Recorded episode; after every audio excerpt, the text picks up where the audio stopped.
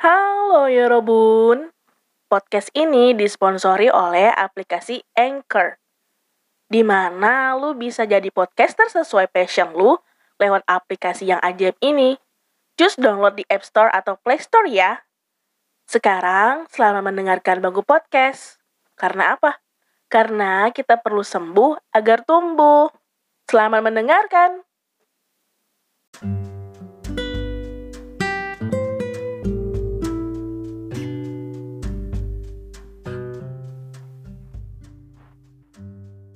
Dari dulu ya, gue suka banget liatin rumah-rumah orang. Jadi gini, jadi kalau pas lagi jalan gitu mau pakai motor atau angkot atau mobil sekalipun, gue tuh suka banget ngeliatin rumah orang. Apalagi pas keadaan gue bener-bener lagi ngedown banget, gue lagi bener-bener uh, hancur mungkin bisa dibilang kayak gitu karena dari tahun 2012 sampai 2019 bahkan sampai gue menikah tuh gue ngekos kan gue sendiri. Bener-bener hidup mandiri di mana gue nggak kerja ya gue nggak makan.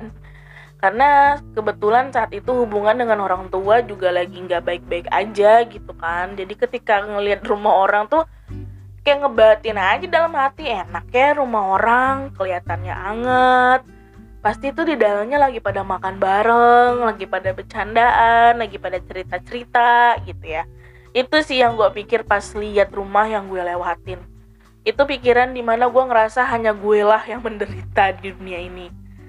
Um, karena gue adalah anak broken home yang paling tersakiti hingga pada akhirnya gue banyak bertemu dengan orang-orang. Um, entah kenapa entah kenapa Tuhan itu selalu aja mempertemukan gue atau bahkan mengenalkan gue pada orang-orang yang punya cerita tersembunyi di dalamnya dan itu jauh lebih menyakitkan, menyedihkan daripada punyanya gue. Jadi adalah ya beberapa kenyataan yang gue dapetin saat berteman di circle yang baru gitu ya. Beberapa di antara mereka tuh emang gak broken family sih. Utuh, ayah dan ibu lengkapnya tidak berpisah. Mereka di rumah. Tapi mereka masih ngerasa kesepian dan kayak kurang kasih sayang. Orang tua yang sama-sama sibuk kerja, cuma bisa ninggalin materi tanpa perlu tahu anaknya di sekolah ngapain aja, di tempat kerja ada apa aja, di hari-harinya ngapain aja gitu kan. Yang mereka tahu hanyalah sebatas uang jajan kemarin masih cukup kan? Dan ada juga nih di antara mereka yang masih punya keluarga yang utuh, mama papa ada, tapi kerjaan mereka tuh berantem mulu setiap hari. Ada aja hal yang diributin sama orang tuanya dan itu mereka lakukan di depan anaknya gitu loh. Tanpa mempedulikan apakah anaknya ini lihat atau enggak sampai kadang tuh bisa sumpek uyeng sesek gitu nggak tahan lagi liatnya kalau memang sudah nggak cocok kenapa masih bertahan pikir anak-anaknya gitu ada kesimpulan yang bisa gue ambil garis besarnya gitu ya bahwa lu nggak perlu jadi anak yang orang tuanya berpisah untuk menjadi anak anak broken home. Ketika keadaan udah nggak seharmonis dan semanis cerita dulu anak sekolahan itu ya udah bisa dibilang lah itu juga broken home kan gitu. Karena bukan status gitu yang menjadikan seseorang anak itu broken anak itu patah hatinya kacau hidupnya tapi situasi dan keadaan lah gitu kan yang ngebuat kami kita semua anak-anak yang ngerasain kayak nggak ada tempat di rumah dan gue nggak lagi mengukur kadar kebroken homean seseorang ya jadi dengan beberapa kasus yang gue sebutin tadi, gue cuma pengen bilang bahwa siapa aja bisa merasakan itu.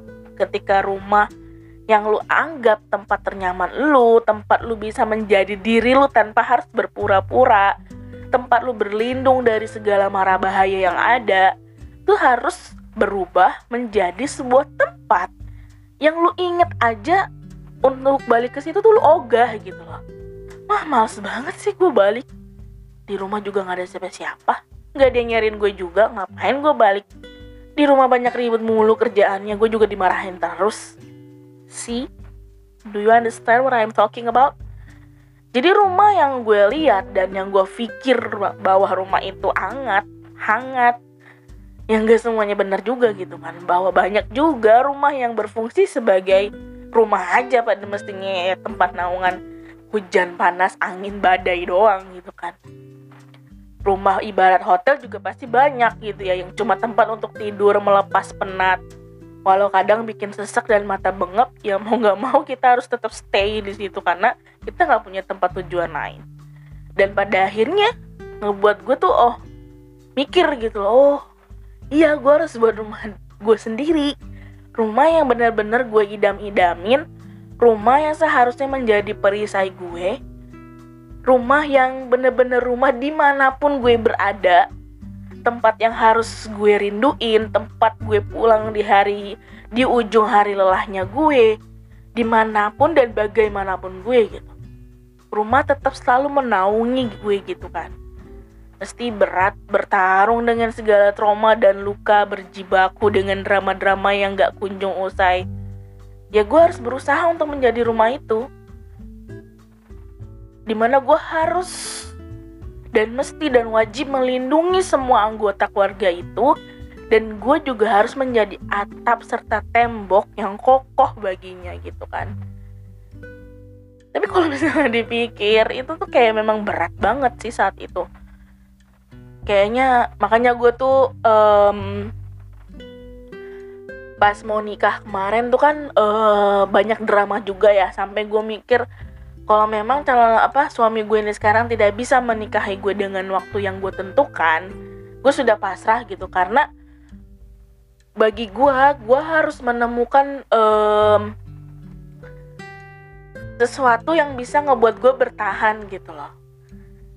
Di kota ini jadi kalau misalnya kemarin tuh suami gue nggak nikahin gue sesuai dengan tenggat waktu yang gue tentukan gue akan pergi gue akan pindah dari kota ini. Karena ini benar-benar menyakitkan memuakan banget berada di kota ini gitu. Karena keadaan memang benar-benar kacau balau banget.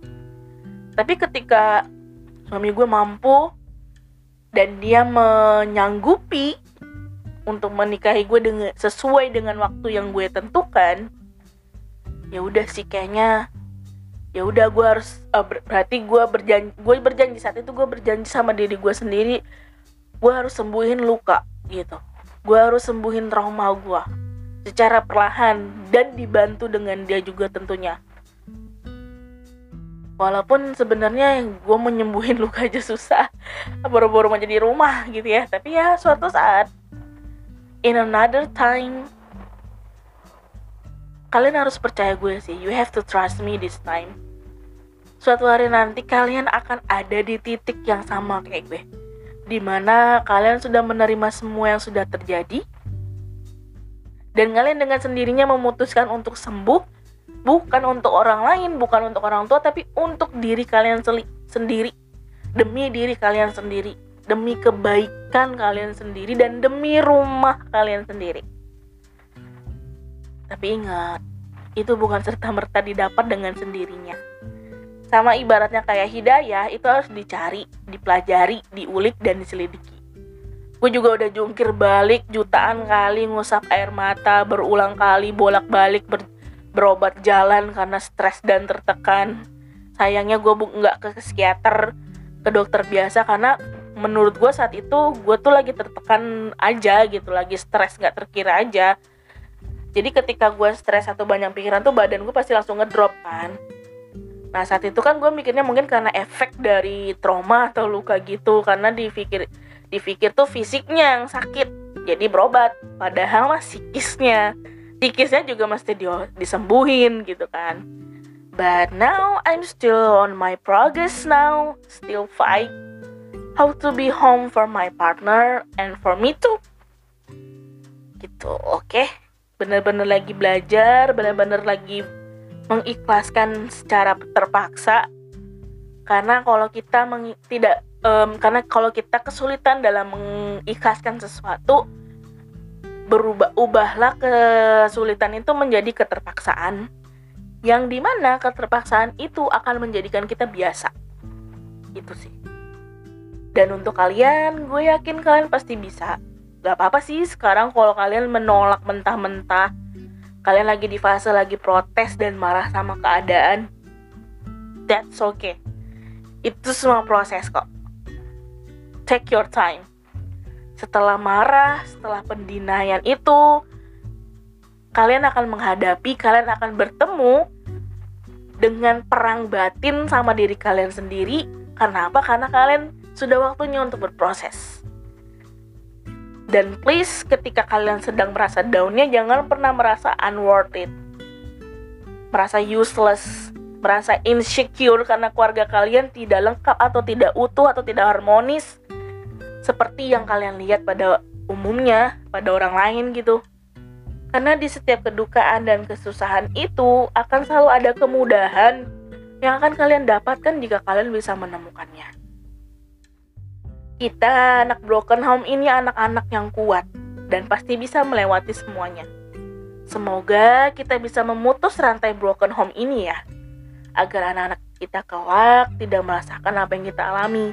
Kalaupun kalaupun perpisahan terjadi, setidaknya setidaknya kita sudah paham harus bagaimana ya kan oke semangat karena kita perlu sembuh agar tumbuh annyeong bye